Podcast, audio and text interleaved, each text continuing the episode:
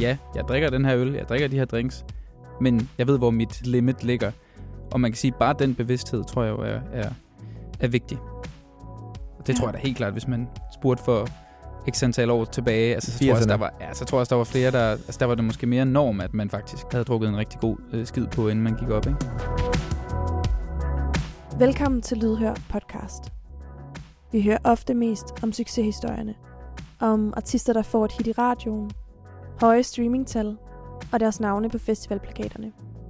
Vi hører sjældnere om de mange afvisninger, skuffelser og timer, hvor man kæmper med at skabe sig en bæredygtig karriere, et nyt hit i studiet, eller hvor man venter med uro for lidt søvn og følelsesmæssigt underskud i et fyldt backstage-lokale, eller i en varm turbus efter mange dages arbejde uden særlige pauser, restitutionsmuligheder eller kontakt med ens nærmeste. I den her podcast tager vi sammen med nogle udvalgte musikere og musikbrancheaktører fat på temaet mental sundhed, hvor vi forsøger at skabe rum og være lydhør over for nogle af de udfordringer, der gør sig gældende, og hvad man kan gøre for at skabe et mere mentalt bæredygtigt liv som aktør i den danske musikbranche. Mit navn er Olivia Krog, og med mig sidder Simon Gens, tidligere musiker og nu psykolog hos Stemsindet. Og øh, i dag har vi besøg af musiker og sangskriver Niklas Sal og trommeslager Simon Rossen, som blandt andet spiller for Niklas, der sidder her i dag, Casey og Thor Farlov. Velkommen til I to. Tak for det. Tak. Hvordan har I det? Godt. Vi har lige fået en kop kaffe og noget vand her, så nu er vi, øh, nu er vi klar på dagen. Dejligt. Ja. Og øh, udsigten kunne ikke være bedre heroppe. Nej, der er skønt På her loftet. Ja, det er en dejlig udsigt. Ja, ja, det er Ud godt. over København her. Dejligt. Øhm, I dag skal vi jo tale om vaner og rusmidler i forhold til musikbranchen. Hvordan har I det med, at det er det, vi skal tale om i dag? Det har jeg det godt med, kan man sige. Det er jo et, øh, på nogen måde sådan ret, sådan, det kan godt være lidt et følsomt emne, ikke? Altså det er jo øh, noget, som jeg tror er, er, ret vigtigt at snakke om.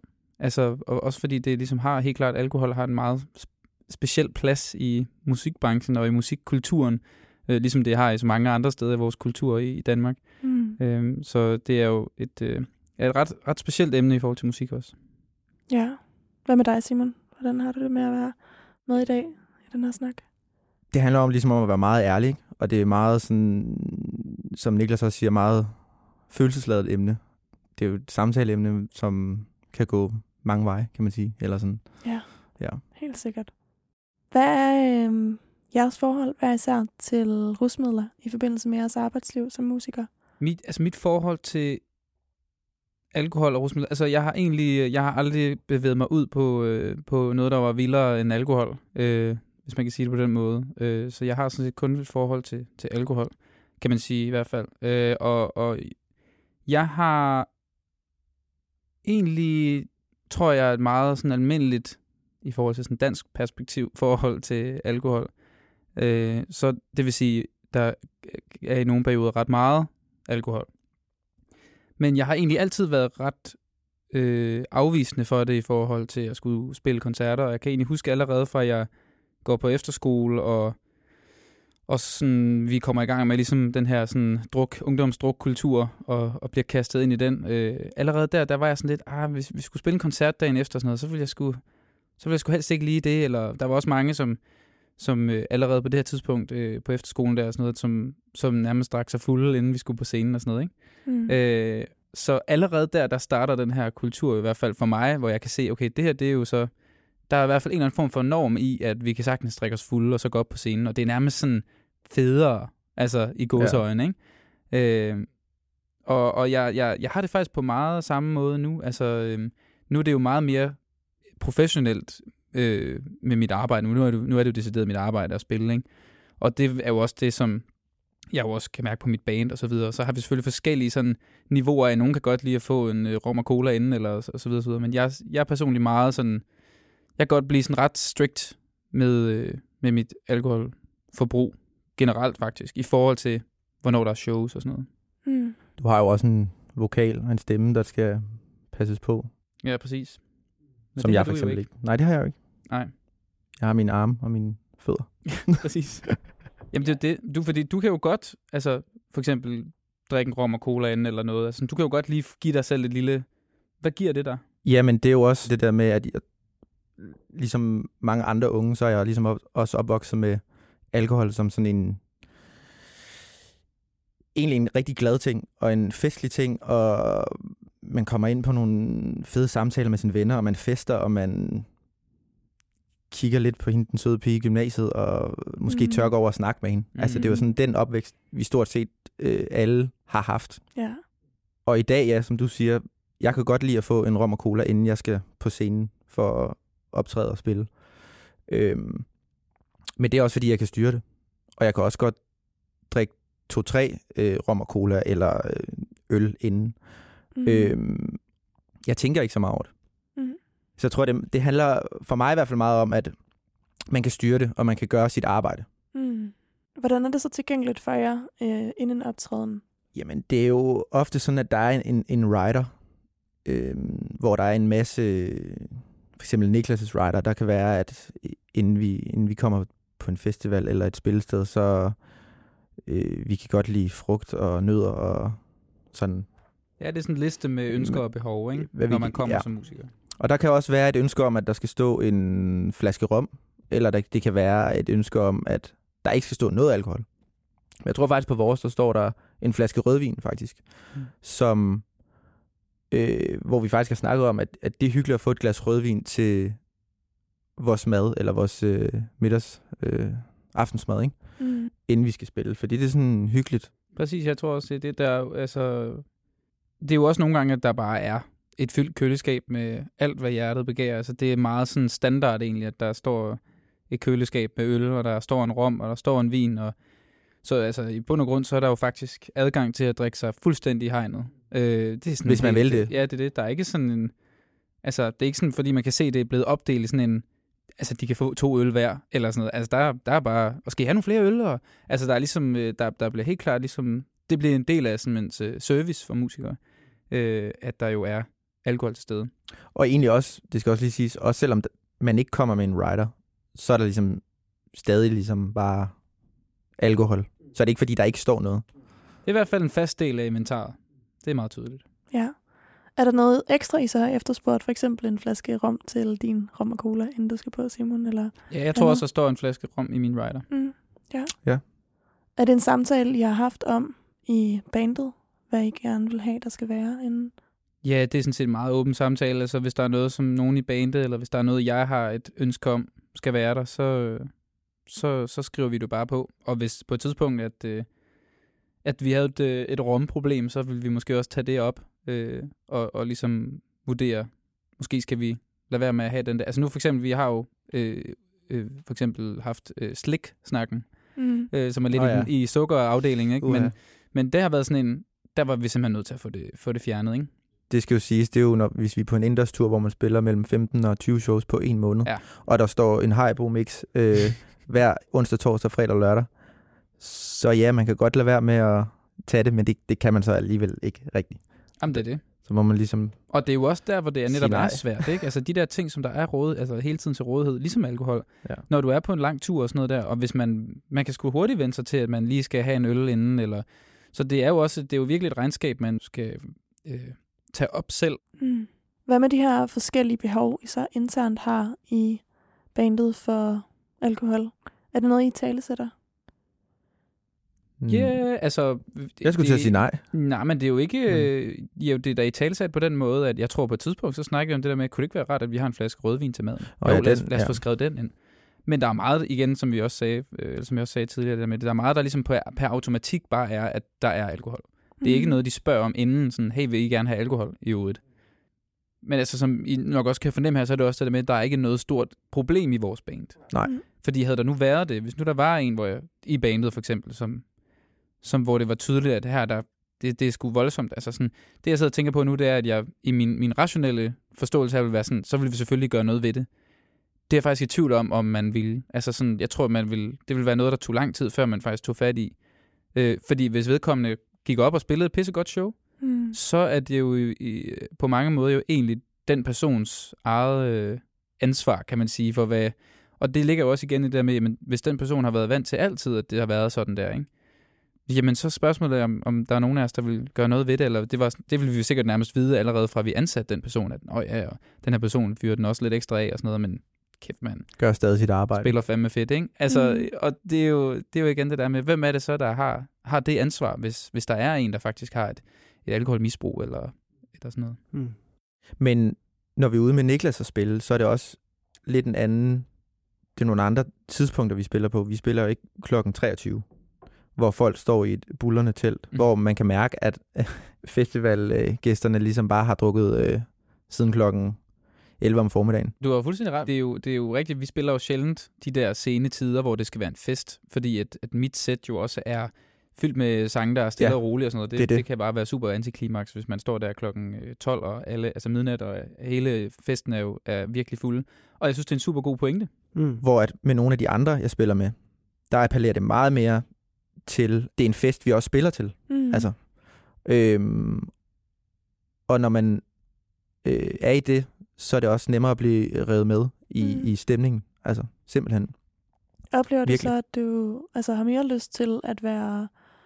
Altså at, at drikke mere inden en optræden, hvis du ved, at du skal ud til et... Øh... Nej, jeg oplever, Festival. at, at, øh, at jeg har lyst til at ja, få en øl Mm. mm. mere, end hvis det var øh, med Niklas. Ja. Det er der jo ikke noget forkert i, fordi det er jo sådan en, en stemning. Mm. Altså, det er, jo, det er jo klart, når, når man netop så øh, står i et telt eller øh, på en scene klokken 22, og folk bare er klar til at få den her fest, som Det- de har ventet på. Det er ligesom, hvis du kommer til en fest, altså udefra, ikke? Ja, så er man sådan, åh oh shit, jeg, ej, jeg tager altså lige en øl. Altså for bare lige at være med, ikke? Og jeg tror, det må være lidt det, man også nogle gange kan opleve som musiker, det er sådan, at man vil gerne være så meget i øjenhøjde med sit publikum som muligt i virkeligheden, ikke? Mm. Øh, og det kan jo netop nogle gange kræve, at man tænker, okay shit, jeg er så altså nødt til lige at lige have en hurtig, hurtig drink. Ja.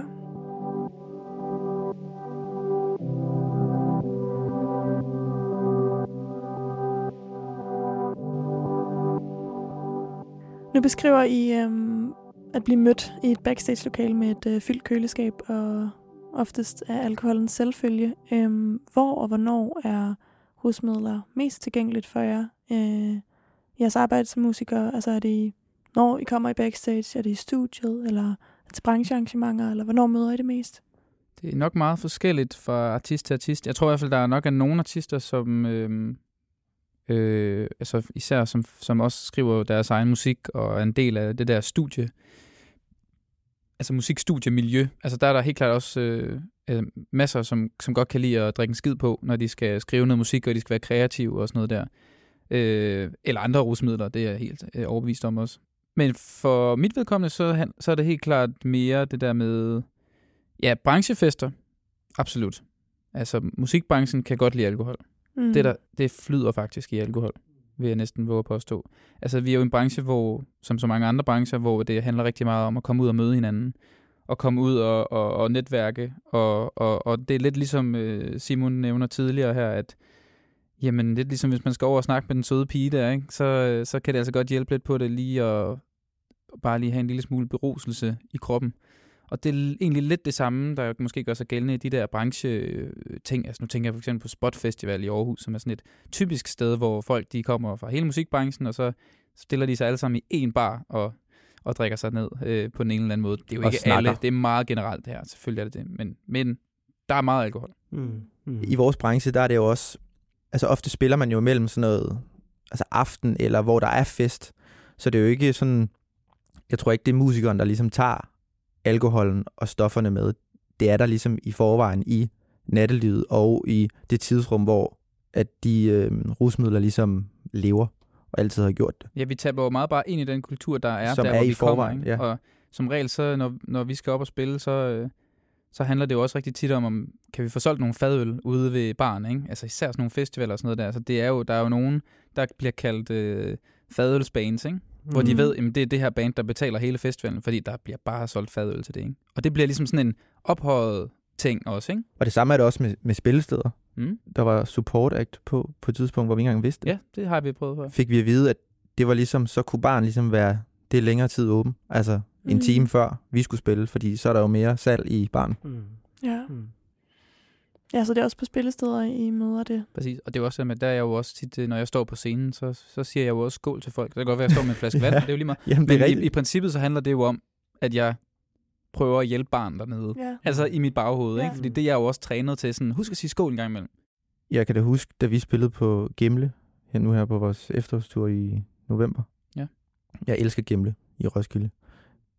Men der er barn åben, og man kan se barn op for scenen. Altså jeg kan sidde øh, ved mit sæt og spille, samtidig med at jeg kan se, øh, nu siger jeg bare et navn, Preben, øh, gå over i barn og købe øh, fem øh, shotsrør og fire fadøl, og så gå tilbage. Og så tænker jeg sådan, så er der lidt fokus på noget andet end øh, Ja, i musikken. ja. Oplever du det så som en forstyrrelse, at du kan sidde der og kigge med?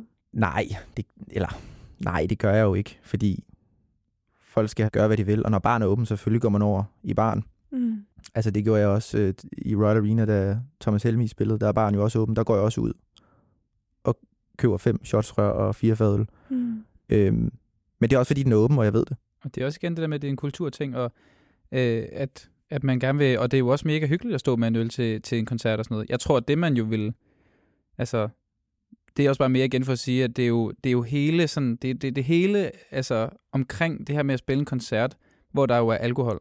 Og det er jo både, at bandet står og måske har brug for lige at drikke en øl og sådan noget der, publikum og så videre der. Det er ligesom noget, det er jo vores kultur, hvor at, øh, at, at, at det jo også er noget, der, altså du spurgte, om det, på, altså, om det ligesom var forstyrrende for Simon. Mm. Det er det jo ikke på den måde, men tit så for eksempel, noget jeg oplever, øh, det er jo, at vi også har et, et publikum i Danmark, der godt kan lide at snakke.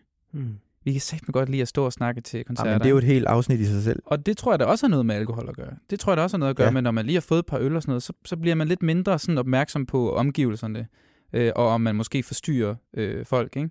Øh, jeg er aldrig den, der siger, at hey, gider du lige at tige stille eller sådan noget der, fordi folk har købt billet til at komme, og altså, det, det føler jeg ikke, jeg har en, en magt til på den måde, øh, medmindre det er et eller andet helt crazy. Ja, helt sikkert. Hvor ofte bliver I konfronteret med rusmidler i forbindelse med jeres arbejde?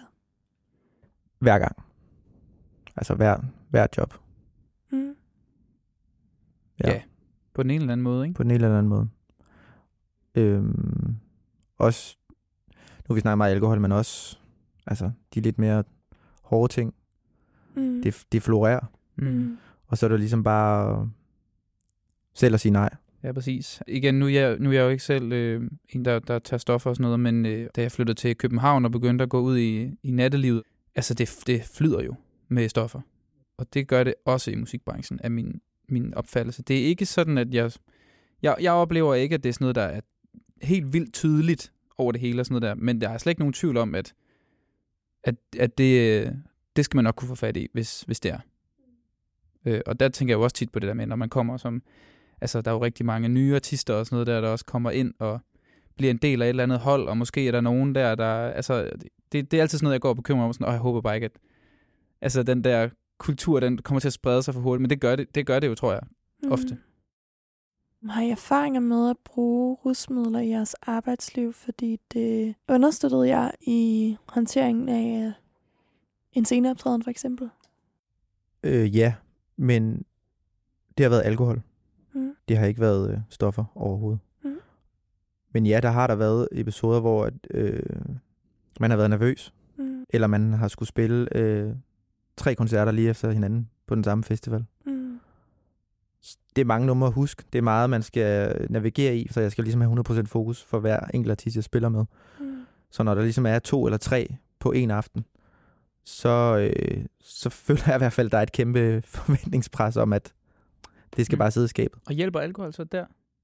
Altså hjælper Ja. det på, at du, altså fordi det fjerner Ja. nerver, eller? Det fjerner nerver. Ja. Man får lige den der summen, altså, og det kan være af en drink, det kan også være af to eller tre. Mm. Det giver god mening. Hvad med dig, Niklas? Ja, altså de, de gange jeg også ligesom har, har drukket alkohol, øh, også bare hvis jeg har været til et eller andet for sjov, drukket alkohol og så taget en guitar og sådan noget, så det er helt tydeligt det der med, at øh, i sådan en sammenhæng i hvert fald, der, der er der jo, så, så er der jo i hvert fald ikke nogen nerver, og det er meget sådan sjov og ballade, det hele, ikke? Om hvis man spiller en fejl, skide være med det agtigt. Øh, men til gengæld tror jeg, at de gange, hvor jeg har oplevet, at hvor jeg netop måske har kommet til at, at drikke nogle øl inden eller et eller andet, og skal op og spille noget, hvor det er professionelt, og hvor jeg får penge for det, så øh, har det den modsatte effekt på mig. Jeg bliver faktisk mere nervøs. Øh, og det er jo selvfølgelig også bare sådan en, en mental ting, der, fordi at jeg er sådan, shit, hvis der er noget, der går galt nu i forhold til min stemme, hvis nu den ryger eller et eller andet, mm. så er det min skyld. Så er det, altså, og det er jo igen det, som du også siger det der med, Simon, at jeg er, jeg er jo langt mere afhængig af, at nogle bitte små muskler i min hals øh, fungerer. Og når du hælder gift ned i din hals, så er det klart, at det har en effekt på øh, din præstation. Ja, eller øh, ligesom iskoldt vand er jo heller ikke særlig godt, lige inden du skal Præcis. Præstere. Det skal Jamen, der kunne vi lave en hel liste over Nå, men altså, så det er jo, det er jo ja. meget mere skrøbeligt, end det er at være trommeslager, hvor ligesom mine to ben og to arme skal fungere. Jeg tror altså også, det er meget en, en, en type ting. Altså, fordi det er jo ikke fordi, at jeg så har oplevet at miste min stemme, for eksempel, mm. øh, når jeg så har gjort det. Men det er, det er frygten for det, så jeg tror også, det er noget med, hvor, hvor, øh, hvor meget du har brug for kontrol på scenen, øh, hvor at, øh, der er jo, øh, Simon er et eksempel, men der er, jeg kender masser af eksempler på folk, der faktisk øh, har rigtig godt af, inden de skal op på en scene, i forhold til netop nerver, og bare lige få ro på, at man lige drikker den der øl, eller hvad der nu lige skal til. Øh, og det er jo også fordi, at de får den, den følelse ud af det, som de kan bruge til noget. Mm. Øh, mm. Og det, det, der, der kan jeg jo så mærke, at jeg får så bare den modsatte følelse. Så det er jo klart, så giver det jo ikke mening for mig at gå op og, og drikke tre bajer, inden jeg skal på, på scenen. Nej. Jeg kan da sagtens sætte mig ind i det der med, hvis man lige har drukket lidt drinks og sådan noget der, og, altså, så bliver oplevelsen også tit større. Det er jo også derfor, vi sikkert drikker os fulde, når vi tager i byen og sådan noget. Ikke? Altså det der med, oplevelserne kan nogle gange bare blive sådan lidt, sådan lidt altså i gåseøjne guddommelige, ikke? Øh, og det, det tror jeg, det er noget, vi feeder sindssygt meget på som, som kunstner. Det gør jeg i hvert fald. Altså det der med, når jeg går scenen, så vil jeg helst gerne have den der følelse af sådan, wow, det var sindssygt det der. Kæft, det var fedt. Og, og den følelse tror jeg også er nemmere at opnå, hvis man altså, øh, er i en eller anden rus, ikke? Og den er også svær at få, når man spiller rigtig meget. Ja, det er det. For så er det jo ikke den samme wow-følelse hver gang, altså når man spiller rigtig mange koncerter om året. Det er det, man vender sig jo til det, ikke? Altså, ja. Og det er jo også det, er jo også det jeg tror, der er sådan... Øh, I og med, det ligesom er en branche også, man, jeg kommer ind i, som jeg, hvor jeg gerne vil Altså, det er jo sådan en drømmebranche. Altså, alt er på spil, når du står deroppe. Og du glemmer sgu både fortid og fremtid, når du står på scenen der. Så det er også derfor, at sådan, jamen, hvis, så tag en øl. Altså, du ved, vi skal bare sørge for, at det her show, det bliver bare det bedste overhovedet, ikke? Og det er også lige meget, hvor træt du er, og lige meget alt muligt. Det er sådan, de der folk, de skal bare have en kæmpe oplevelse, og det skal jeg også selv. Det tror jeg ligger meget sådan i sådan hele det der med at være, være musiker og leve i sådan en underholdningsindustri, som det, det Hvor man skal underholde, Præcis. og ligesom være der hver gang, og få folk forventer mere, du er der selvfølgelig, end jeg er der. Men altså, jeg skal jo være der for dig. Mm, præcis, ja. Og selvfølgelig også at levere et show og være på. I beskriver begge to den her wow-følelse, når I går af scenen. Øh, og Simon, du beskriver, at den, hvis man spiller meget, kan være sværere at opnå. Er det noget, der har påvirket dit forhold til alkohol eller rusmidler, at du har søgt mod det? Ja, det kan hjælpe på det. Mm. Det kan, det kan godt hjælpe. Øhm, et eksempel kan være, at øh, ja, i en periode, hvor man spiller rigtig meget, meget frem og tilbage fra festivaler, og man er mod slutningen af ugen, og det bliver lørdag, og man igen skal til Aarhus eller Aalborg, eller så på vejen kan man godt opbygge en stemning, fordi okay, nu skal vi simpelthen, vi skal i gang. Men nogle gange er man også bare træt, og, og øh, ligesom alt muligt andet arbejde, at man føler, at det kan være en lang dag. Så er det da helt klart og nemt, at, at, at, at vi ligesom bygger en stemning op. Mm.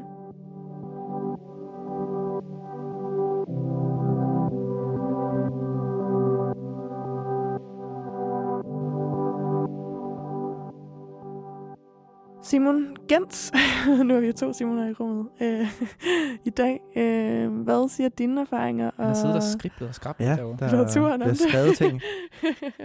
Jamen altså, rigtig meget det samme jo. Altså, det flugter enormt meget med det, Simon og, og Niklas er inde på. Øhm, og i forhold til det med spillestederne, så kan man sige, spillestederne afhænger jo af at, at godt alkoholsalg, eller et alkoholsalg, det er en del af forretningsmodellen. Og nu har vi Brimheim inde øh, i afsnit 2, og hvor vi taler om, at arbejdslivet som musiker er mange forskellige kontekster.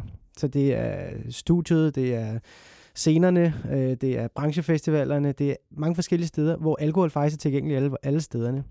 Og der er så flere og flere, fornemmer jeg også øh, i min praksis, der, der vælger det mere fra end tidligere, øh, som I jo også er inde på, at man har mere aktivt, øh, bevidst valg om, hvad vil vi egentlig. Øh, og samtidig så er der også relativt nye undersøgelser fra blandt andet øh, ja, USA og Kanada og England, som peger på, at det stadig er en ret udbredt problematik med brug af alkohol især. Men Simon, hvorfor er det så, man som menneske bruger rusmidler? Jamen, nogle af tingene kommer jo fint ind på her. Øh, Simon, du nævnte det her med at kunne komme i zonen, men også at komme i gear, især hvis man har en, en sen, øh, et sent show, man skal spille, øh, og man er, er træt og har spillet meget, jamen, så ligger det lige for. Det er tilgængeligt, det er inden for rækkevidde. Jeg ved, jeg kan komme derop, hvor publikum ja. er, Ja, hvis jeg tager den her øl, eller de her øl, øh, for eksempel. Øhm, så øh, kan det også være at komme ned igen øh, efter mm. en Mhm. koncert. Det kan også være at forlænge sin high, som du taler om, øh, Niklas. Ikke? Mm. Øh, nu har man det bare rigtig fedt. Det har publikum også. Man skal ud og møde dem derude bagefter. Det er svært at- at være et andet sted end dem, og det kan være fedt også at køre videre på den her fede eufori, man har efter en koncert. Så kan det også lindre ja, scenenerverne. Øhm, det kan også dulme kedsomheden, der kan være i ventetiden. Altså, der er rigtig mange timer som musiker, som også går med ingenting. Mm. og der, der kan det her med at socialisere og bonde med hinanden, øh, som man jo også ser til branchefestivaler, det kan være lidt nemmere at, at nærme sig hinanden nogle gange. Især hvis man er lidt nede og underskudsramt, øh, så kan man lige komme lidt, lidt derop, hvor det er lidt mere tilgængeligt for en at tale med hinanden. Øh, det kan hjælpe en med at switch off, øh, hvis man har brug for det, og for nogen kan det være rigtig svært, især hvis man har haft meget travlt, at switch off. Og der kan rusmidler også for nogen være det, man syr til, øh, hvis alt andet ikke virker. Og så kan det være en genvej til kreativitet, øh, til inspiration øh, for nogle også i forhold til det med at skulle skabe noget for eksempel. Og, Øhm, og der er det bare vigtigt, tror jeg, at under, under, understrege. Øh, for det første opbildner vi ikke til, at man bruger det på den her måde, men det er bare noget af det, vi ser i forskningen, øh, der er gennemgående. Øh, men også, at hvis man bruger rusmidler mere fast, eller i en periode, hvor man har rigtig meget øh, arbejde, og man så bruger det, får, det, får en vane med det, altså hæmmer det faktisk kreativiteten, det hæmmer produktiviteten, øh, og vedholdenheden øh, i arbejdet, hvis man, kan man sige, kommer til at bruge det øh, på, på den her måde, som, som bliver mere dominerende. Og det er jo forskellen igen på user abuse, eller brug og misbrug, som du også altså, taler mm. om Mhm. flere gange, Simon, ikke? Der er forskel på, hvordan man bruger det, ikke? Jeg vil også sige faktisk, at den måde, jeg har brugt alkohol på før, og øh, når man øh, lige flytter til København, og man øh, gerne vil lære en masse nye kollegaer at kende, eller musikere, og spille med dem, det, er, det foregår også ofte øh, på en jam-scene om aftenen. Mm. Og der kan jeg da egentlig godt tænke tilbage på, og være lidt ked af, hvor meget man egentlig skulle. Altså, øh, der har ikke været noget pres. Slet ikke. Men alligevel, sådan, hvis man over vil snakke med de fede musikere, men de står der og bonder og dr- drikker øl og sådan noget, så skal man så på en eller anden måde lige igen det der, lige drikke sig mod til det. Eller det skulle jeg i hvert fald. Mm. Ja. Helt klart. Ja. Så det er det jo også blevet brugt til. Helt klart. Altså. Og, og blive oppe. Det er jo heller ikke, fordi ja. det, man har jam session klokken 10 om formiddagen. Altså, som regel. Nej, det er jo klokken 10 om aftenen til Ja. 2 om natten. Og igen fest, ikke? Og igen, en fest. Ja, Mm. præcis. Ja. Kan I genkende jer selv i noget af det, som Simon Gens fremhæver? Ja, absolut. Jeg kan genkende mig i det- hele. Og, Ja, det kan og, jeg også. og jeg, jeg sidder også og tænker her nu, øh, øh, i og med, at jeg så måske, altså jeg så ikke er den store øh, øh, alkoholfyr, øh, fyr, når vi spiller, øh, så kan det også komme til at lyde lidt øh, halvheldigt her. Det er jeg overhovedet ikke. Jeg tænker faktisk netop, altså, fordi jeg har den stopklods, kan man sige, med at, at, at, at skal holde mig i skinnet, når vi skal ud og spille, jamen så har jeg da også en lille regnskab i baghovedet om sådan, uh, der sparede jeg lige en op. Øh, Ja, det og kan når man jeg, godt mærke. Ja, det er det. Så, så når jeg så til gengæld også tager i byen, og altså sådan, jamen så, så, så tænker jeg netop over sådan, nu kan jeg endelig fyre den af, og så, så gør jeg så også det, ikke? Øh, og der tror jeg, at øh, det, det er jo sådan set ikke, altså måske havde det næsten været sundere for mig, at jeg tog en øl en gang imellem, end et show. Altså i stedet for på en eller anden måde at gå og, og så have den der med, at når jeg så kan tage i byen, så skal jeg satan også bare i byen, ikke? Øh, så, så, så, så det er også bare for at sige, at øh, jeg, jeg, jeg har helt klart også mit forhold til alkohol, som jeg også virkelig øh, tænker meget over, og skal finde ud af, hvordan jeg egentlig skal balancere det i det hele taget. Ikke? Mm. Øh, og der er jo, altså igen vil jeg lige vende tilbage til de der brancheting og sådan noget der. En ting er jo en branchefestival for eksempel, som Spot, eller hvad det nu er. Men, men det her, det foregår jo hele tiden. Altså, det er, jeg møder jo mit netværk rigtig ofte. Og det gør jeg jo også nogle gange på en natklub, hvor man så møder nogle andre artister eller et eller andet, og man vil, man vil gerne give det der gode indtryk, og et indtryk af, at man er en, øh, en fed fyr og sjov fyr, når man også er i byen og sådan noget der. Så på den måde, så kan alle de her ting, de kan ligesom overlappe i ens privatliv også, Mm. øh, på rigtig mange måder. Fordi det er en lille branche, og København er en lille by, og man møder hele tiden lige nogen, og, Og man ved også godt, hvor man skal tage hen for at møde nogle af de her folk, som man kan netværke lidt med. Og det bliver bare sådan en underbevidst branchefestival, kan man sige ja. nogle gange. Ikke? Mm. Øh, ja, så det var bare for at sige, at der er virkelig også bare flere perspektiver til, hvornår de her alkoholting ligesom sniger sig ind. Så du føler, at dine sådan, private rammer omkring alkoholen alligevel kommer til at påvirke dine professionelle rammer, selvom du egentlig har ligesom holdt det adskilt, når du Ja, er, ud i byen, der er ingen tvivl om, at alkohol har, altså, øh, altså at en stor del af mit liv som musiker også. Også selvom, at det så ikke lige er en del af det der med, når jeg skal op på en scene. Mm. Altså i virkeligheden, så er det bare rigtig godt, tror jeg, at jeg skal passe på min stemme. Jeg tror, vi alle sammen har brug for det, at finde de der forskellige stopklodser i vores liv. Om det er, at vi skal op på arbejde om mandagen, eller vi har en lang uge, eller vi har nogle et eller andet, så bliver det ligesom vores, vores stopklodser. Det, det er i hvert fald sådan, i forhold til at være i musikbranchen, rigtig glad for, at jeg som sanger er nødt til at sige, at jeg har et show på onsdag, så jeg er nødt til lige at dum dum bum, ikke? Og, Mm. øh, og hvor jeg også tror, at det er, det er en, øh, på mange måder lige der, der er min lille sådan kontrol-freak ting rigtig sund for mig.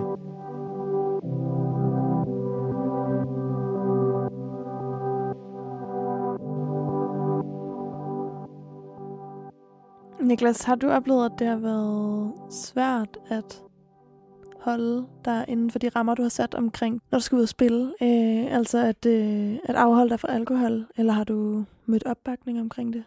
Øh, det møder jeg masser af opbakning omkring. Altså, der er slet ikke, øh, der er ikke noget der. Altså, både fra, fra band og fra kur, for, fra, altså alle i virkeligheden jo, jeg har jo også et, øh, det har vi jo alle sammen, vi alle sammen i sådan en sammenhæng har jo, har jo ansvar på forskellige måder, og jeg tror jo mere man tager ansvar for sig selv, og for at man kan komme op på den der scene og præstere så godt som overhovedet muligt, jamen det finder, får du jo egentlig kun goodwill omkring, altså Mm. Øh, så hvad end der skal til for, at jeg går op på den scene og kan præstere så godt som muligt, det bliver jo kun set godt på. Og jeg, jeg tror også, at jeg, sådan, jeg møder respekt en gang imellem fra nogen, som måske har det sværere med at afholde sig fra at skulle drikke alkohol, eller sådan, som måske har fået en vane, som, som er blevet netop den der med sådan, jamen, jeg kan sgu ikke rigtig gå på scenen, uden jeg lige...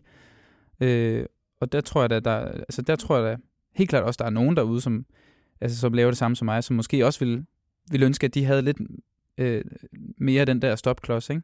Oplever I, at der er sket en ændring i forhold til folks vaner relateret til alkohol gennem årene?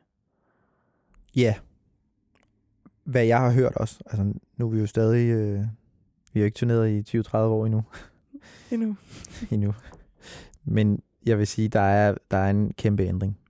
Og det er der også, øh, hvad jeg har set og hørt øh, i, et, i et backstage-lokale på en festival og sådan noget. Der, der er, jeg, jeg tænker, der er mere ro på. Altså sådan, og igen, det, det skal ikke siges, at man, når, som tidligere det der med, at når man skal i stemning, og man skal drikke inden man skal på en scene, det lyder meget øh, som om, at nu skal vi bare tyre ned. Sådan er det slet ikke. Det er meget roligt. Altså, det er meget at, at tage en drink eller en øl, og så sidde og have en samtale med nogle af de andre øh, artister eller øh, musikere, man, eller kollegaer, ikke? Mm. Øh, inden man skal op og spille, eller... Ja. Så, jeg har ikke oplevet, at det er sådan virkelig rowdy på en festival, inden man skal spille. Mm. Øh, det er lidt rowdy i øh, Bøgebæk klokken 12 om natten, men altså, det er jo også på Bøgebæk. Smukfest. Det er på Smukfest. Bøgebæk. Ej, det, det, det, det- er igen- ja. Det er, jo, det er jo også en anden ting. Altså, der er folk fri, ikke? Mm. Men når man er på et job, så er det jo ikke, folk vælter, folk vælter ikke rundt. Mm. Det har jeg endnu ikke oplevet. Det er jeg helt enig i, faktisk. Altså, Altså- det, det er meget få kollegaer, jeg kender, som, som vidderligt er sådan stive, når de går på scenen. Mm. Øh, jeg tror igen, så er det i hvert fald helt klart sådan, jeg er sikker på, at flere af dem, som netop skal spille de der fester, altid. Mm. Øh, Mm. der, det er jo klart, der er en større tendens til der, at man, man gerne vil have mere sådan beruselse. Men selv der, der føler jeg faktisk, at Men man er ikke fuld. nej, der, folk altså. er, er, er stadigvæk, altså har en eller anden form for professionel bevidsthed omkring, at ja, jeg drikker den her øl, jeg drikker de her drinks, men så ved jeg også godt, at jeg ved, hvor mit, mit, mit limit ligger. Og man kan sige, bare den bevidsthed, tror jeg jo er, er, er vigtig. Og det Ja. tror jeg da helt klart, hvis man spurgte for x antal år tilbage, altså, så, tror jeg, også, 80'erne. der var, ja, så tror jeg også, der var flere, der, altså, der var det måske mere norm, at man faktisk havde drik, drukket en rigtig god øh, skid på, inden man gik op, ikke? Mm. Hvad med, når I kigger tilbage på, fra da I startede med at spille og optræde til nu? Er der så sket en ændring? Ja. Det, jeg kan mærke det på, øh, ligesom de yngre øh, musikere føler. Jeg føler, det er lidt mere fattet. Mm. Øh, hvilket jeg synes er vildt fedt. Mm. Og igen, som øh, jeg lige kommer tilbage til, det der med, dengang jeg skulle ligesom øh, starte med at øh, lære en masse musikere at kende i København. Det føler jeg ikke er lige så hardcore mere. Altså det der med at tage ud på en jam og drikke fra klokken øh, 10 øh, en tirsdag aften til klokken 3 om natten, for nu, yes, så kommer jeg til at spille med ham her, jeg har hørt om før. Jeg føler ikke det på samme måde mere. Så man kan godt øh, gå til det med en rabarberbrus i hånden, i stedet for en øl i hånden, for eksempel i dag. Nemmere end dengang. ja, ja, Ja. hvis man, ja, sådan kan man godt sætte det op. Øhm, nu er det ikke fordi, altså nu, nu er jeg 29, ikke? så det er 8 år siden, Mm. den jam-ting var på den måde. Ikke? Altså, ja. Jeg tror også bare, at det hele taget den her snak om mental helbred i hele landet, sikkert hele verden, øh, gør jo, at, at alle, tror jeg, alle mennesker, øh, det skal jeg være med at sige, men jeg er i hvert fald, den måde, jeg oplever det på, der er det, at, at, at jeg er blevet hyper opmærksom på mit helbred, og på de valg, jeg tager, som jeg ved går, har en konsekvens for mit helbred. Og det tror jeg, at rigtig, rigtig, rigtig mange kan ikke genkende til, at man er blevet måske mere opmærksom på, i og med, at man snakker mere om mental helbred og sådan noget. Øhm, så, er, så, så, så jeg har jeg fået en større opmærksomhed på hele tiden, hvordan har jeg det, hvad skal der til, for at jeg får det bedre, hvis jeg har det dårligt, eller øh, så jeg tror, der, der er ingen tvivl om, at det er jo også derfor, vi sidder her i dag, at den her snak er jo enormt vigtig at give de her forskellige perspektiver af, at der er stadigvæk masser af ting herude, som foregår, som har en masse med alkohol at gøre, øh, ikke bare musikbranchen, helt generelt også, men, men der er det jo også, øh, men der er helt klart også er nogle udviklings, øh, altså udviklinger at, at se og mærke, som jeg tror blandt andet kommer af, at vi er begyndt at snakke om det her. Mm. Mm. Helt sikkert. det er rigtigt. Simon Gens, er kulturen ved at ændre sig? Øh, jamen, det er der jo meget, der peger på, at der er noget i gang i hvert fald, og det er jo også det, I taler om. Og I taler jo fra, fra behind the scenes, så det må vi jo tage, tage, tage, tage for gode veje. Der er også det, der er der flere tegn, der, der tyder på. Øhm, og også et opgør med, med de her stereotypiske forestillinger om museren, musikeren som den her lidende kunstner med flasken i hånden og sex, drugs and rock and roll. Altså, der er de her år også kvæg snakken om mental helbred, heldigvis også nogle myter, som aflives sted, stille og roligt og bliver gjort op med. Øhm, og hvis vi kigger på det, øh, kan man sige, historisk øh, set, så er der også stadigvæk øh, forventninger til en, som kan være svære at honorere i dag, og de har måske været øh, i nogle miljøer især endnu sværere at, at honorere. Øhm, vi, kan, vi, kan, vi kan tale om det her med, at man måske også inden for forskellige genrer bliver mødt med lidt forskellige forventninger til en. Øh, hvis man er EDM, øh, DJ og skal spille om natten, kan det være nogle forventninger til en. Hvis man er Ja. punkmusiker, kan der være måske en lidt større forventning til, at man er lidt rowdy og, og, og går lidt mere på flasken måske for nogen. Ikke alle. Øhm, og hvis vi kigger på det, ja, historisk set, som sagt, så øh, var der måske også en, der var en større tilbøjelighed til for eksempel at bruge heroin øh, som jazzmusiker i 50'erne, 60'erne, og LSD i 70'erne øh, inden for den psykedeliske rock, og kokain og ecstasy i 80'erne og 90'erne, og, øhm, og så i de her i 10'erne ser vi SoundCloud-rap-bølgen med benzodiazepiner, øh, Xanax og, øh, og opioider, som flød rundt øh, i SoundCloud øh, rap-miljøet, emo-rap-miljøet i USA. Øhm, så der er også det her med, forventninger subkulturelt kan være meget forskellige. Så, så nogle steder tror jeg helt klart, der ser vi øh, en tilbagegang af, af brugen af rusmidler inden for nogle genrer mere end andre, og der er stadig også steder, hvor det er, det er ret presserende. Så det tror jeg er en væsentlig nuance i, i den her diskussion om, hvorvidt vi ser en, et paradigmeskifte i kulturen på det her område. Ja, helt bestemt. Det, jeg, jeg kommer til at tænke på, er jo også bare den her fortælling, man jo er blevet fortalt. Øh, altid om rockstjerner, og der er den her del af det at skulle op på en scene og være rowdy og være altså virkelig ekstrovert og virkelig være noget og være noget for nogen. Og, øh, men jeg tror også, at efter, altså jeg tror i hvert fald, at det, det er i hvert fald en, en myte, man godt, altså jeg gerne vil prøve at gøre mit for at slå ned og sige, at, øh, at min oplevelse er faktisk, at de fleste professionelle musikere, de, de, øh, De har det styr kan på godt, det. Ja, de har styr på det, og det kan godt være, at vi leger, at vi er rockstjerner nogle gange, mere end, end vi måske nødvendigvis er, Mm. øh, i forhold til den gamle fortælling i hvert fald. Ikke? Altså, jeg synes jo ikke, der, at der bliver taget noget rockstjerne af os, bare fordi vi netop øh, faktisk øh, passer lidt på os selv og, og tænker over, hvordan vi kan præstere bedst muligt. Øh, Nej, Men, det, øh, det synes jeg netop er sejre. ja, det er netop det. Altså, det er jo... Øh, Ja. Og, og, og ja, meget vigtigt at få i talesat, fordi medierne jo også tit sværmer lidt om den der historie af Matt Healy, der står der på scenen med en flaske og, og helt ud på scenekanten. Og så, så man kan sige, det er jo stadigvæk øh, mere tabloidt. Øh, og, og, og på den måde kan man også blive med at fodre de her diskurser og narrativer om musikeren. Men jeg synes det er netop, det er, er væsentligt så at, at høre jer til, jamen, hvad oplever I egentlig? Få nogle flere nuancer her, øh, som også skal være med til stille og roligt at aflive nogle af de her lidt forkantede og måske også ikke retvisende myter. Ikke?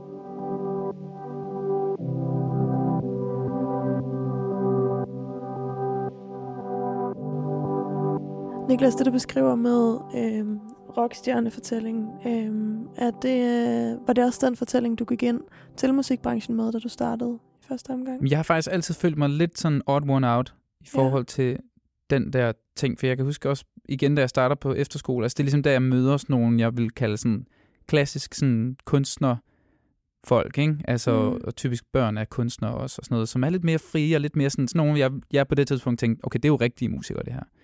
Øhm, og, og der tror jeg, jeg har altid gået og været lidt den der fodbolddreng, der bare gerne vil vinde i ting. Altså lidt sådan det der konkurrencemind og sådan noget, og, og har ligesom søgt, altså brugt musikken også som noget, hvor jeg kunne finde noget bekræftelse, og noget, hvor jeg kunne opnå et eller andet. Øh, så jeg tror altid, jeg har haft sådan lidt den der, øh, altså jeg er jo ikke sådan en elitesports, men så alligevel sådan en sportsmentalitet, ikke? At man skal, altså, hvordan får jeg den bedste præstation, og den her, de her slags ting. Øh, så, så på den måde har jeg jo altid netop følt, at sådan, jamen jeg tror, jeg, jeg, vil ikke rigtig, jeg er jo ikke en rigtig musiker. Altså det har altid gået og tænkt lidt sådan, at jeg er jo sådan en, det, jeg passer egentlig ikke ind i den der kasse der af, hvordan jeg bliver fortalt, at det en rigtig rockstjerne er, eller de her ting, som man drømmer om at blive. Ikke? Øh, men igen, hvor jeg også har fundet ud af, at sådan, det, jeg, jeg behøver faktisk ikke at passe ind i den her, den her kasse. Jeg, jeg er totalt med på det der med, at, at der er nogle fortællinger, som er mere spændende end andre.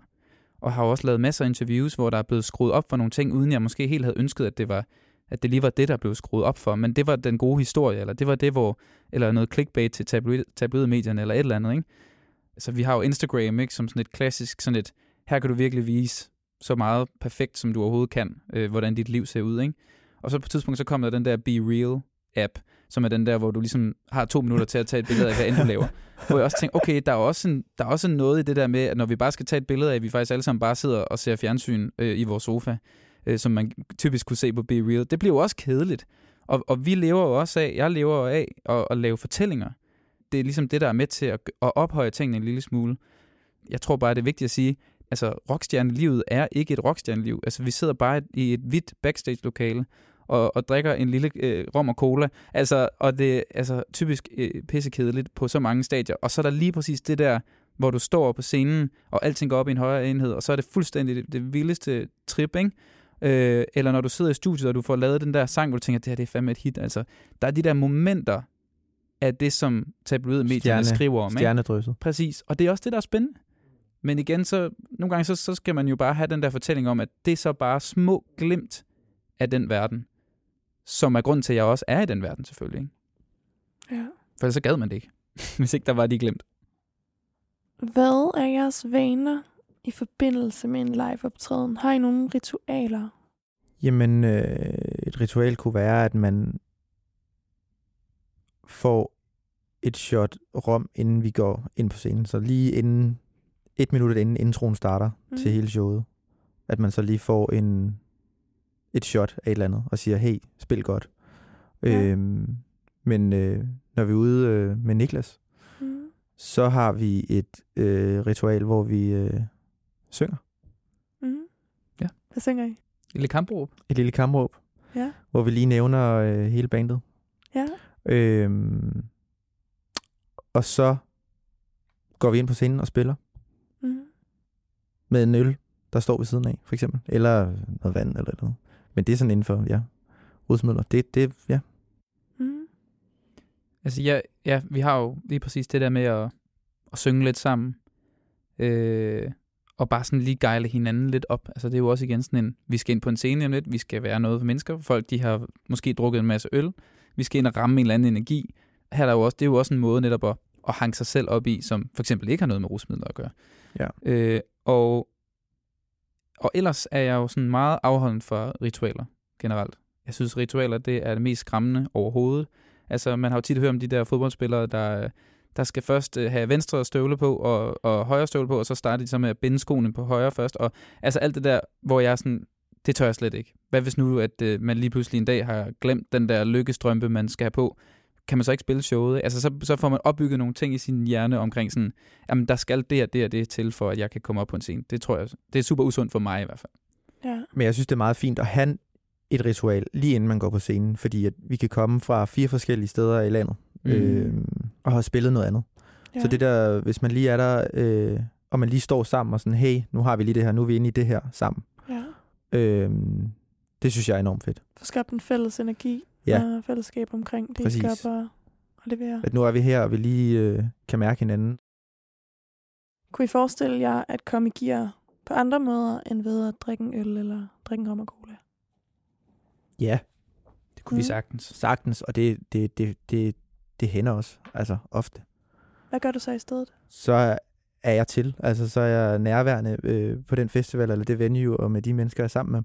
Hvad vil det sige for dig at være nærværende i den kontekst? Jamen, det er, når jeg øh, selv kan mærke, at jeg er der. Det, det lyder lidt øh, underligt, men, men ofte, når man har mega travlt, så er man ikke altid til stede. Og når man ikke er til stede, så er man heller ikke nærværende, og så er man heller ikke nærværende over for sine kollegaer eller sine venner. Og så øh, tror jeg, så er det sådan, sådan en, en cirkel, der kører, for når de kan mærke, at man er nærværende, så er de heller ikke lige så nærværende. Og så bliver det hele lidt mere måske øh, billedligt sådan i en udstrakt arm. Ikke? Der er helt klart noget energi at hente der, ikke? Der er noget energi at hente der, ja. Mm.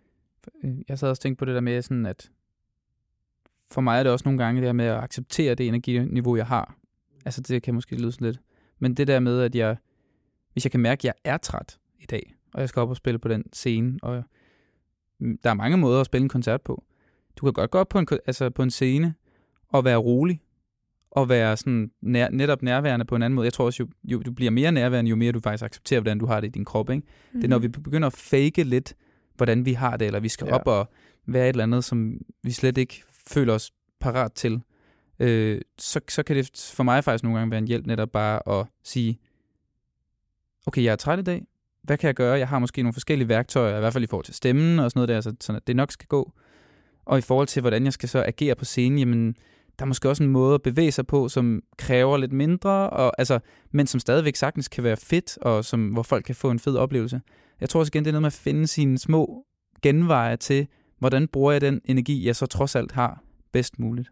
Jeg får lyst til at knytte en kommentar lige præcis til det her, fordi det er jo også, tror jeg, en meget central pointe, at, at vi har forskellige individuelle, øh, kan man sige, behov og rutiner og måder at gøre det på, som, kan man sige, skaber de bedst mulige betingelser for os, eller for en på en scene. Ikke? Der er det her begreb om individual zone of optimal functioning. Det bruger man inden for sportens verden, man bruger det også inden for andre performance-relaterede verdener, musikbranchen eller musiktilværelsen øh, tilværelsen er en af dem, ikke? Øh, hvor at for nogen så kan det her med at komme helt vildt i gear og nærmest føle en aggressivitet og en total vildskab, inden man skal på scenen, være den, det kan man sige, den, den følelsestilstand, man, man spiller allerbedst i, øh, optræder allerbedst i. Øh, for andre kan det være at være fuldstændig helt rolig og, og nede på jorden og så tanketomme, som man nu kan være, og for nogle tredje kan det være noget tredje. Så det der med også at netop gå på opdagelse i, hvad er det mine bedste betingelser er for at, at optræde, men også netop, som du siger, Niklas, acceptere, jamen, i dag har jeg det sådan her, og, øh, og det at stride imod det, når jeg skal ind på scenen, det er for det første inautentisk, også over for publikum, men det er heller ikke den bedste betingelse for at spille for mig i dag. Så jeg skal ikke nødvendigvis herop. Øhm, og så have nogle forskellige værktøjer i værktøjskassen, man kan trække ind. For nogle kan det være at sidde i en stol og meditere, for nogle andre kan det være at, at gå en tur og høre noget bestemt musik, eller øh, spille et spil med sin bandkammerat, eller det kan være forskellige ting, man har brug for for at komme i zonen. Men det behøver ikke være alkohol, og det kan være ja, mange forskellige andre ting.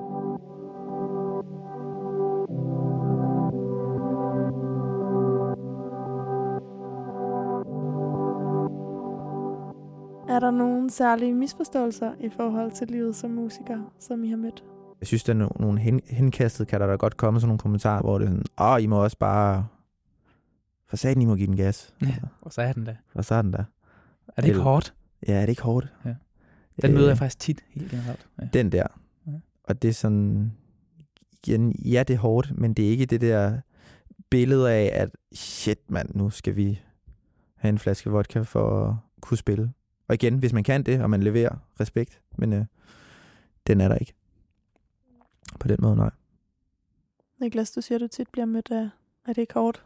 Ja, men jeg tror generelt, igen, det er også, øh, at, at jeg jo oplever, at ikke bare mig selv, men også at andre mennesker har en forventning om, hvordan det er at være musiker.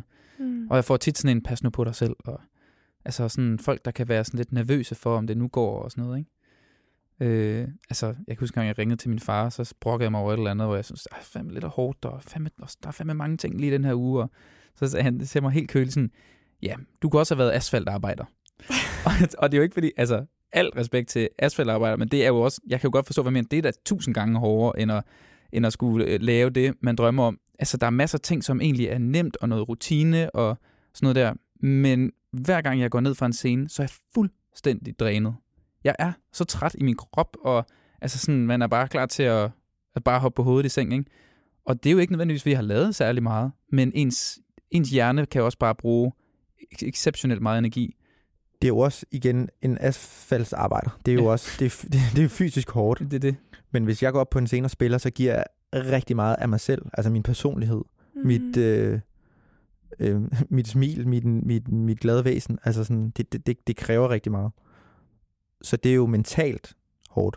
Altså uden at vi aner en skid om at være asfaltarbejder i øvrigt. Men, ja. Nej, det var bare lige et ja, ja, det var øh, bare eksempel min fars eksempel. Ja. Hvad kan det så være, at I er helt færdige, når I er gået af scenen, og stadigvæk skal ud og socialisere? Sidde i en turbus? Altså, det rare ved at være på et hold, det er, når man har spillet, så kan man ligesom, man kan altid få lov til at zone ud efter. Så når man Mhm. kører hjem fra Jylland, så er der ikke en forventning om, at man skal bare være på og sådan noget. Så må man godt øh, have sine AirPods i øh, ørerne og måske øh, bare sove på vej hjem. Eller... Og igen, ja, hvis det er på Sjælland, hvor det måske tager en halv time at komme hjem fra en festival eller et venue, så, øh, så kan der godt være en bred enighed om, at hey, vi skal da ud og have nogle øl, når vi kommer hjem. Mm. Men så er det også, fordi vi alle er lidt enige om den stemning, der er. Mm. Øh, den stemning er ikke altid, når man kører fra Aalborg klokken 22 om aftenen, hvis man vil hjem igen. Ikke? Altså, Det, jeg, jeg mener jo altid mig selv om, når jeg er gået ned- ned ad scenen, at nu har jeg præsteret ja, det, så er man jeg skulle fri. præstere. er Altså, det, og det, som jeg fik betaling for også jo. Altså, det, er jo også, altså, det ligger i hvert fald i mit baghoved, at, Ja, det gør det også her. at vi får løn for det, ikke? Og så kan man vælge at måske være lidt mere afslappet og være lidt mere i sig selv, eller man kan vælge at være, yes, nu skal vi... Altså i hvert fald, hvis jeg, gas. hvis jeg ved, at jeg har et job dagen efter, eller senere på dagen eller sådan noget, så zoner jeg ud efter det. Altså, og skal lave nogle nedvarmningsøvelser med stemmen eller et eller andet. Altså, Mm. så giver det sig selv, at så går jeg direkte i, i backstage, og, og har ikke nogen forventning om, at andet, end at jeg skal være sød og rar over for mennesker, men jeg behøver ikke at være noget for nogen mere. Nej. Heller ikke, hvis der kommer en sød frivillig og sådan noget der. Altså, der kan, det godt, der kan godt være behov for, at jeg bare lige må sige, hey, sorry, jeg, jeg vil, det ville være mega hyggeligt at snakke, men jeg har lige været på scenen, og jeg skulle lidt træt, at jeg er lige nødt til lige at bare lige slappe af. Og der er jo kun altså, forståelse der. Det er man bare nødt til at... Altså, det jeg er nødt til at, at, at, at ligesom verbalt fortælle, sådan at hey, jeg, Det er rigtigt. jeg er simpelthen lige træt lige nu. Mm. Er der en ting, som I godt kunne tænke jer, at folk forstod bedre i forhold til at leve et liv som musiker? For mig er det helt klart det der, øh, som, som jeg også var inde på lidt tidligere, at du kan sagtens være musiker, uden at skulle leve op til den der gamle rockstjerne-historie om, at du skal være på stoffer, og du skal Den er også så forældet. være omringet altså, af kvinder og alle mulige ting Ja. og sådan noget. Altså sådan, jeg tror egentlig, jo mere man, man øh, sætter sig ind i, at det er en verden fyldt med ventetid og kedsomhed, og få fuldstændig fantastiske momenter på en scene eller i studiet og sådan noget. Og det er det, der skal drive værket. Du skal være så... Du skal elske lige præcis de der glemt så meget, at du vil gøre, altså, at du er ligeglad med alt det andet, der ligger omkring det. Og, altså, det skal ligesom, det er en del af det. Ja. At, kunne, at kunne sige fra. Altså, styre sit eget liv. Også selvom du er en del af en, en kultur. Det er jo også bare helt generelt noget, som vi, jeg tror, at altså, det der er noget, jeg bare øver mig på virkelig meget. Ikke? At kunne sige fra de steder, hvor jeg kan mærke, at det her det er ikke noget for mig. Eller jeg, ja, det her, det, det dræner mig, eller det er for hårdt for mig, eller sådan noget. Det tror jeg, at der har jeg lang tid haft en tilbøjelighed til, at jeg troede, jeg skulle præstere alle mulige ting, som jeg har fundet ud af, det, det behøver jeg faktisk ikke. Jeg synes, øh, musikere i dag er mere cool. Det tror jeg, vil. Ja, det er det, jeg vil sige. Der er mere styr på det. Mm. Og, og jeg sad også bare og tænkte bare lige sådan en sidste ting også, altså at, at vi- nu, altså, det kan også hurtigt blive sådan en snak, hvor det kan lyde som om, at, at alt alkohol og sådan noget, der, det skal man bare holde sig fra. og Sådan noget. Altså, jeg har total respekt for, at man har brug for netop at drikke en øl eller en drink, eller hvad man nu lige har. Ja. Altså igen det der med, at man skal jo bare finde sin egen måde at, at være i det på, Og navigere i det. og navigere i det. Ikke? Og kunne styre det. Øh, Der er ikke nogen, øh, det er ikke sådan en shaming for, øh, altså for noget som helst. Ja, og kunne øh, sige fra. Præcis. Fordi så ender det netop ikke med, at du gør andet end det, du kan mærke i din krop, du har brug for, ikke? Altså. Forhåbentlig. Ja.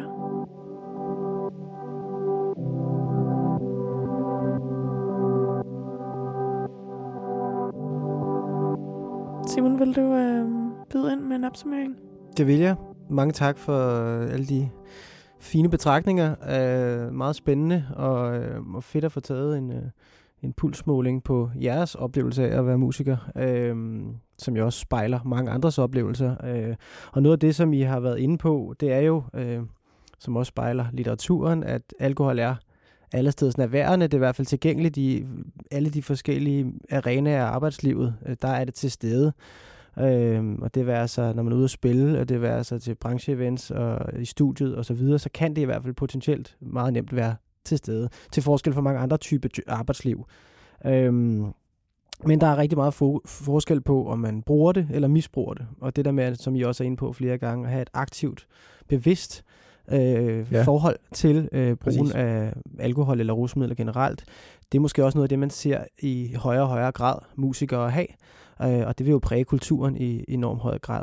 Øhm, men det er stadig en udfordring, og måske nogle steder mere end andre steder. Der kan være nogen, kan man sige, øh, der har brug for at håndtere de mange stressorer, der er i arbejdslivet på en på forskellige måder. Og for nogle kan det være, at man, at man dulmer nogle senenaver med, med alkohol, eller man kommer i gear med alkohol, eller at man har et subkulturelt pres inden for en bestemt musikgenre, som går på, at jamen, altså, hvis du vil lave det her musik, så bliver du nødt til at også have en del af din tekst, der handler om Xanax, og at du bruger det, fordi ellers er det bare ikke helt ind. Og det ser man også et opgør med, men der er stadigvæk også nogle miljøer, hvor det på en anden måde er svært at honorere. Det forventningspres, der ligger subtilt i hvert fald.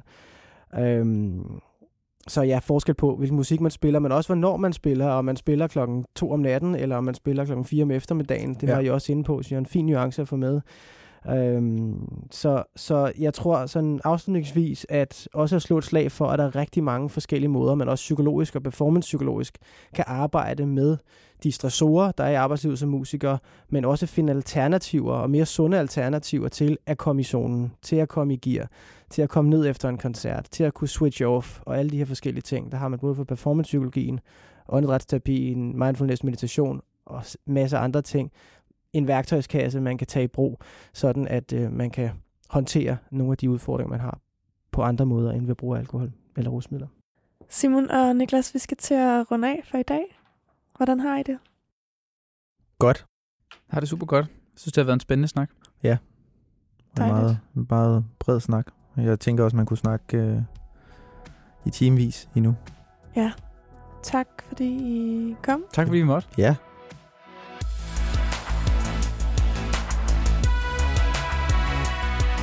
Hvis du eller en, du kender, oplever mental mistrivsel relateret til dit liv i musikbranchen, kan du finde links i beskrivelsen til aktører, som tilbyder trivselsfremmende indsatser.